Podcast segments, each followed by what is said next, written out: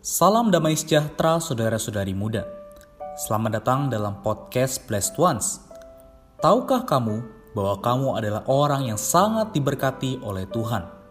Karena sejak muda kamu telah mengenal hidup gereja.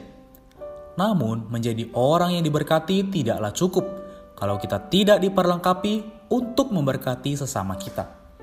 Semoga melalui podcast Blessed Ones kita semakin terdorong untuk mempersembahkan diri bagi Tuhan, sehingga kita dapat semakin diberkati dan menyadari pentingnya diperlengkapi untuk menjadi berkat bagi banyak orang.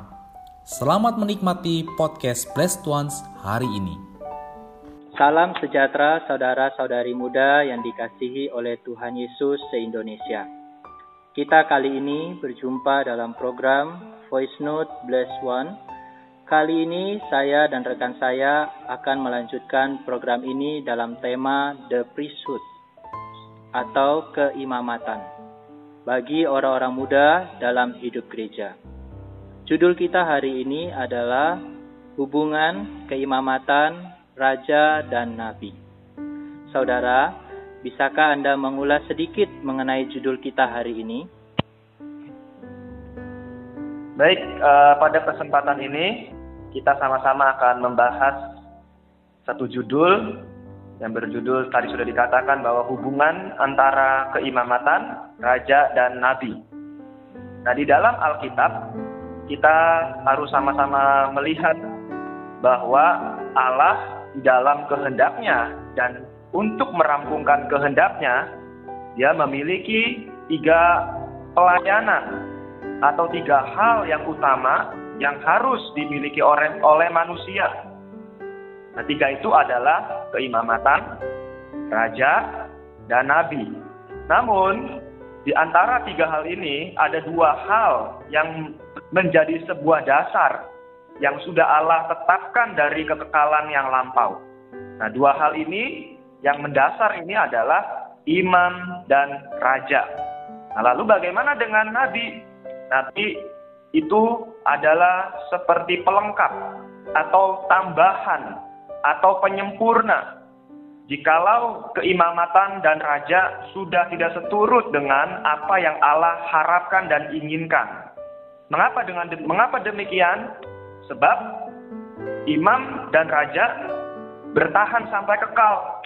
Sedangkan seorang nabi atau pelayanan nabi itu hanya bersifat sementara Nah, di dalam kejadian pasal 1 ayat 26, di sana sampai ayat 28, ada dua kata yang sangat menarik.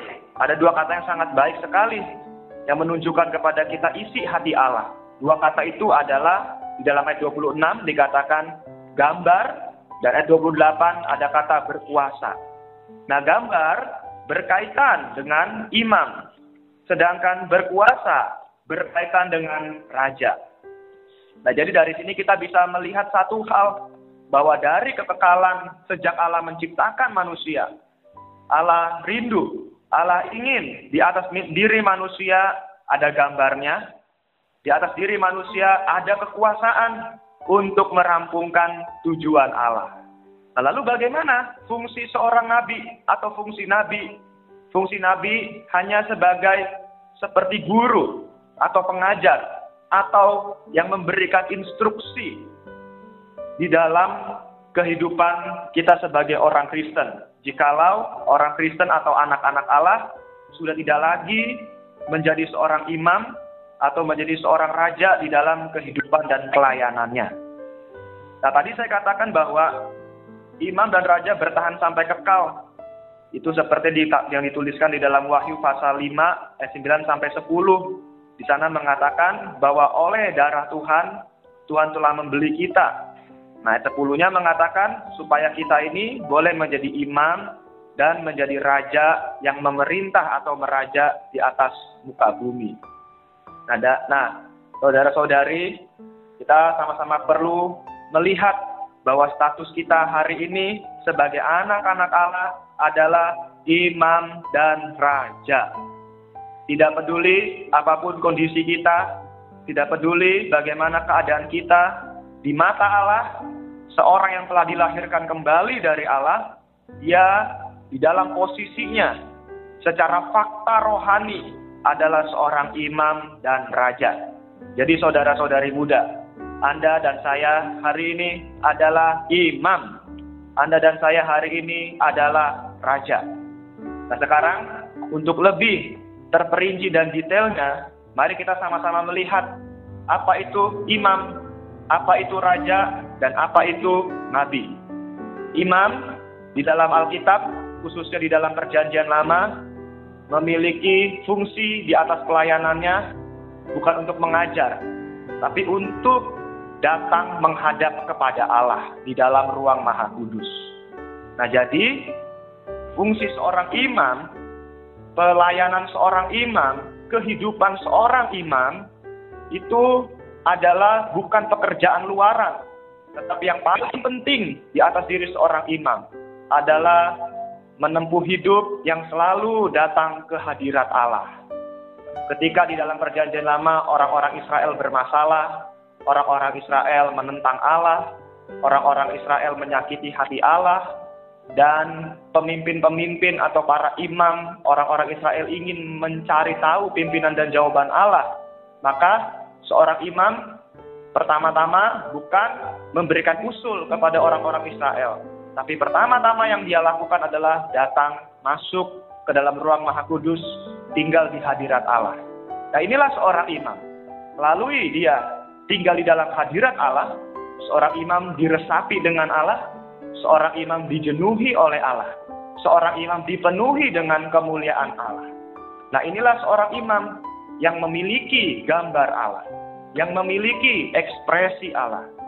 Jadi saudara-saudari, Hal ini memerlukan dan menuntut kita untuk ditransformasi. Seorang imam yang benar-benar mau menjadi seorang imam yang memiliki gambar Allah, ada satu hal yang diperlukan di atas dirinya, yaitu pengubahan atau transformasi. Jadi kita hari ini semuanya, Anda dan saya, kita orang-orang muda, betapa perlu untuk ditransformasi. Terbuka kepada Tuhan setiap waktu hanya dengan jalan inilah kita baru bisa menjadi seorang imam. Hanya dengan jalan inilah baru gambar Allah ada di atas diri kita. Dengan jalan inilah melalui gambar Allah ada di atas kita, maka kehendak Allah bisa dirampungkan. Tanpa hal ini, keimaman keimamatan kita hanya sebatas fakta, hanya sebatas posisi, tetapi di dalam realitasnya tidak ada jabatan, tidak ada kedudukan, tidak ada pelayanan, tidak ada kehidupan sebagai seorang imam. Karena itu kita semua perlu ditransformasi. Kita semua perlu diubah. Melalui apa? Melalui kita datang ke hadapan Tuhan. Melalui kita setiap waktu terbuka kepada Tuhan. Dengan jalan ini, imam baru bisa ada di atas kita dengan nyata, dengan real. Kita baru sebagai imam di dalam posisi memiliki gambar Allah di dalam realitas kehidupan dan pelayanan kita. Nah, lalu yang kedua, berbicara mengenai raja. Apakah raja? Raja atau otoritas seorang raja itu bukan dilihat dari kedudukannya, dari usianya, tetapi ke se, seorang yang bisa menjadi raja atau otoritas seorang raja itu datang dari keimamatan. Dengan kata lain, kalau Anda dan saya memiliki gambar Allah, kalau Anda dan saya adalah ekspresi Allah di dalam kehidupan kita sehari-hari, maka dengan secara otomatis, secara spontan, di atas diri kita ada kuasa. Ada jabatan raja yang memerintah, yang meraja di atas muka bumi ini. Hari ini kita lihat di dalam masa-masa pandemi, semua orang dikalahkan, ditaklukkan oleh kekhawatiran semua orang ditaklukkan oleh kecemasan. Semua orang ditaklukkan oleh kepanikan masyarakat. Tidak ada ekspresi raja. Tidak ada ekspresi kekuasaan di tengah-tengah masyarakat hari ini. Hari ini bagaimana dengan Anda dan saya? Apakah kita juga terlarut di dalam kekhawatiran, ter tertaklukkan di dalam kecemasan-kecemasan hidup sehari-hari? Ini sangat penting, saudara-saudari. Maka kita semua perlu belajar menjadi seorang imam yang datang ke hadapan Allah. Setiap hari hidup di hadirat Allah. Setiap saat terbuka kepada Allah. Dengan jalan ini, otoritas seorang raja baru ada di atas diri kita. Nah, ini adalah seorang imam, eh seorang raja. Nah, lalu bagaimana dengan seorang nabi? Nabi di dalam Alkitab itu bukan fungsi yang paling utama di dalam kehendak Allah. Karena nabi baru muncul kalau imam dan raja menyimpang dari ketetapan Allah. Ini kita bisa lihat di dalam perjanjian lama, di dalam zaman Elia dan Elisa. Ketika orang-orang Israel merosot Ketika orang-orang Israel meninggalkan Allah, maka Allah akan membangkitkan sekelompok nabi untuk menegur para imam, untuk menegur para raja, sehingga imam dan raja ini boleh kembali ke jalan Allah, ke jalan yang seturut dengan apa yang Allah mau. Dan kita bisa melihat lagi di dalam kisahnya Daud, ketika Daud berzina, membunuh, berbuat dosa yang begitu keji, pada waktu itu dia sebagai seorang raja, tapi posisinya sebagai seorang raja tidak benar di hadapan Allah. Karena itu Allah membangkitkan atau mengutus Nabi Nathan untuk datang kepada Daud. Untuk menegur Daud supaya Daud bertobat, supaya Daud kembali kepada Allah, supaya Daud kembali melaksanakan fungsi seorang rajanya dengan tepat untuk merampungkan kehendak Allah. Nah lalu hari ini kita perlu sama-sama belajar untuk menjadi seorang imam dan raja. Keperluan kita hari ini adalah imam dan raja. Apa itu? Itu terbuka kepada Allah. Setiap hari berkontak dengan Allah. Setiap hari menikmati Allah. Setiap saat memiliki persekutuan yang langsung dan terbuka dengan Allah. Maka dengan jalan inilah kita memiliki gambar Allah. Dan memiliki gambar Allah berarti ada kuasa. Seorang raja ada di atas kita. Amin. Amin. Puji Tuhan. Uh, kita bersyukur. Terima kasih saudara sudah mengulas dengan singkat materi atau tema kita malam ini. Jadi mungkin kita ada sebuah pertanyaan nih. Kan kita dibilang dikatakan tadi bahwa imam dan raja itu bertahan sampai kekal. Artinya, walaupun kita di dalam masa pandemi ini, status sebagai imam dan raja pun sebenarnya masih bisa kita kerjakan.